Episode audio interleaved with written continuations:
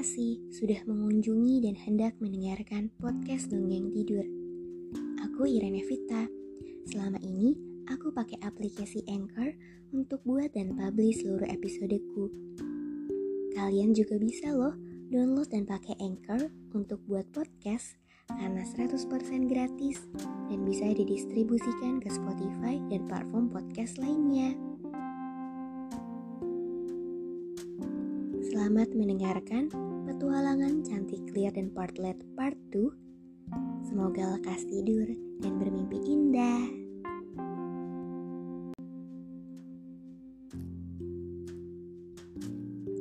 Cantik clear sang ayam jantan dan istrinya Portlet, sang ayam betina, memulai petualangan mereka di atas gunung untuk memakan kacang. Karena kekenyangan dan sudah mulai malam, dibuatlah alat pengangkut sederhana. Dari situlah perjalanan mereka mulai semakin ramai dan banyak hal yang terjadi.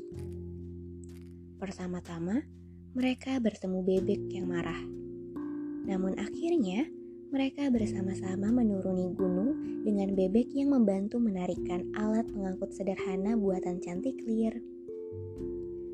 Lalu di tengah perjalanan, mereka bertemu sang jarum dan sang peniti. Karena sudah terlalu larut, gelap dan berbahaya, maka bersama-sama mereka menuju ke penginapan dan berhasil menginap. Sebelum kabur dari penginapan, mereka bersama-sama mengerjai pria pemilik penginapan dengan perannya masing-masing.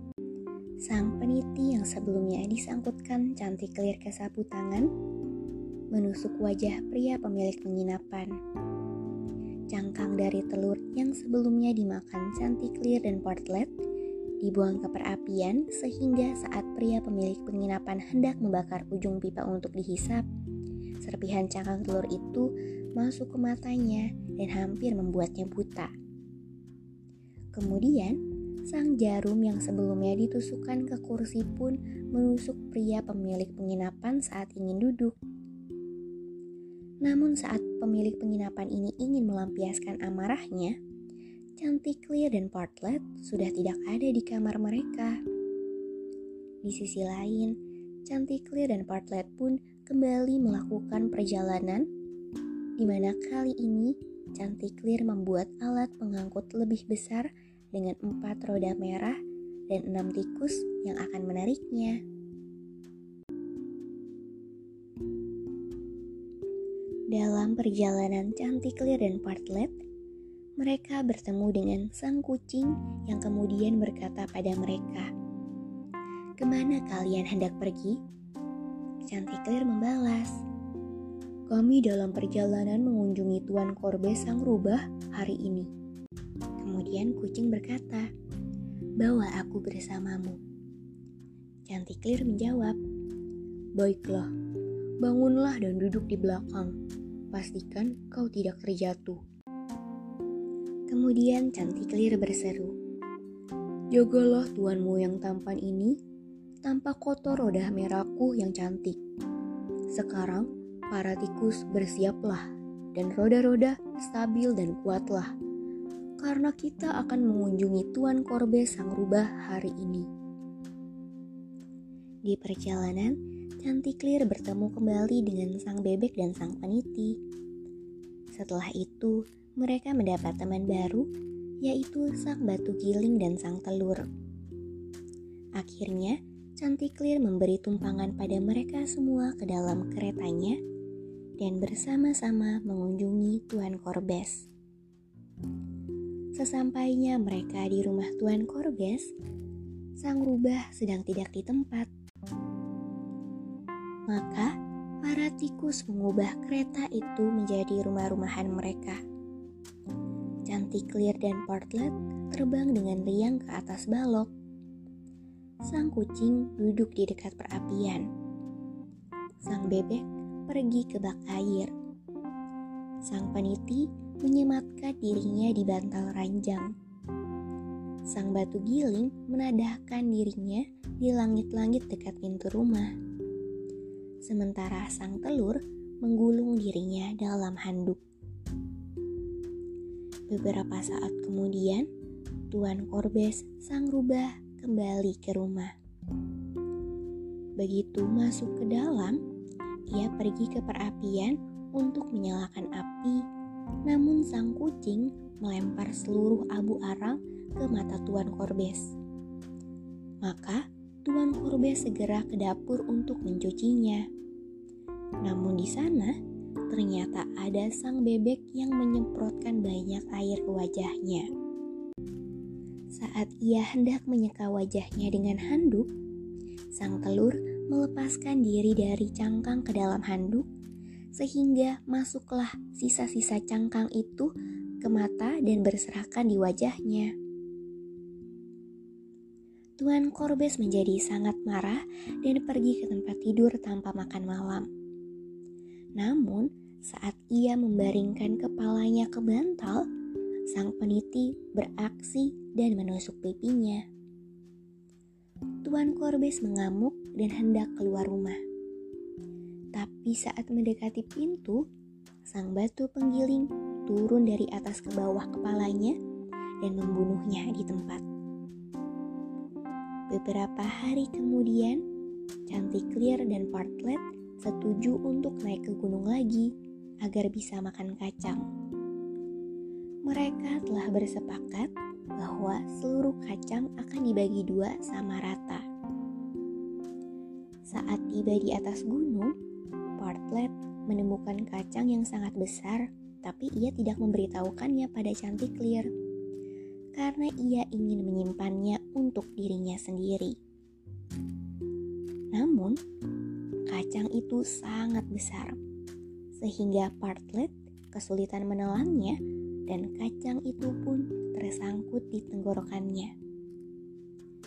Partlet menjadi sangat ketakutan dan segera meminta bantuan Chanticleer. Larilah secepat mungkin dan ambilkan aku air karena aku sedang tersedak mendengarnya, Chanticleer segera berlari secepat mungkin ke danau dan berkata, Danau, berikanlah aku air untuk Partlet di atas gunung, atau ia akan tersedak kacang yang sangat besar. Danau membalas, Berlarilah ke pengantin wanita, lalu minta ia memberimu tali sutra untuk bisa mengambil air dariku. Maka Chanticleer berlari ke pengantin perempuan dan berkata padanya, Mempelai wanita, kau harus memberiku tali sutra supaya danau mau memberiku air. Air yang kubawa itu akan kuberikan pada istriku Partlet yang ada di atas gunung. Karena aku tidak ingin ia tersedak kacang yang sangat besar. Namun pengantin itu berkata, Berlarilah dulu dan bawakan aku karangan bunga yang tergantung di pohon willow di taman. Cantik Clear pun segera berlari ke taman dan mengambil karangan bunga yang tergantung di pohon willow. Lalu buru-buru membawanya pada pengantin itu. Maka pengantin itu memberinya tali sutra sesuai janjinya dan Cantik Clear menyerahkannya pada danau. Danau pun memberinya air sesuai janjinya, dan Chanticleer buru-buru membawakannya untuk Partlet. Sayangnya, saat Chanticleer tiba di atas, ternyata Partlet telah meninggal tersedak kacang besar itu. Ia terbaring di tanah tidak berdaya, tidak pernah bergerak, dan tak akan hidup kembali. Chanticleer merasa sangat sedih dan menangis. Banyak binatang buas yang mendengar raungannya datang dan menghiburnya yang baru saja kehilangan Partlet. Enam tikus pun membuatkan peti untuk mengantarnya ke makam. Kemudian bersama-sama mereka berangkat. Dalam perjalanan, mereka bertemu sang serigala. Ia berkata, Ke mana kau akan pergi? Mengubur partletku. Jawab cantik clear. Bolehkah aku ikut? Ucap serigala. Yo, tapi kau harus berada di belakang atau kudaku tidak akan bisa mengangkatmu. Balas cantik Clear. Maka serigala berbaris di belakang dan bersamaan dengan itu ada pula beruang, kambing, dan seluruh binatang buas di hutan. Kemudian, mereka tiba di sungai yang aliran arusnya sangat cepat dan deras. Bagaimana kita akan melewatinya? Bingung cantik Clear.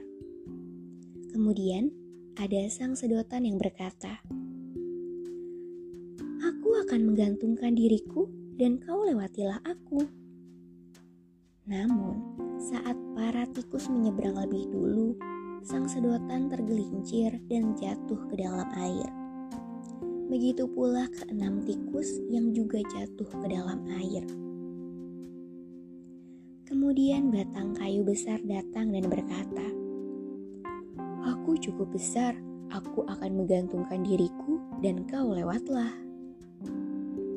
Namun, para binatang yang lewat itu canggung dan ceroboh, sehingga membuat batang kayu besar itu terjatuh dan dibawa arus air yang sangat cepat.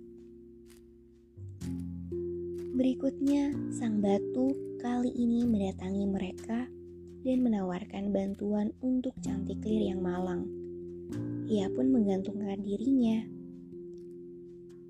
Untungnya, kali ini cantik lir dapat menyeberang sungai dengan selamat dan berhasil membawa Partlet ke seberang sungai. Sayangnya, saat giliran barisan paling belakang, serigala dan beruang cukup berat sehingga mereka jatuh ke air dan dibawa oleh arus air sungai yang deras dan cepat.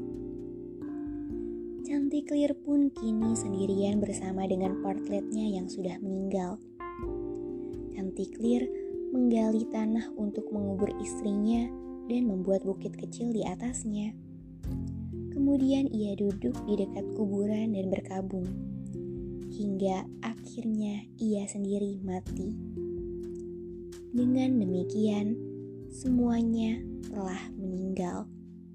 Namun, persahabatan para binatang yang saling membantu adalah hal yang berharga untuk dikenang.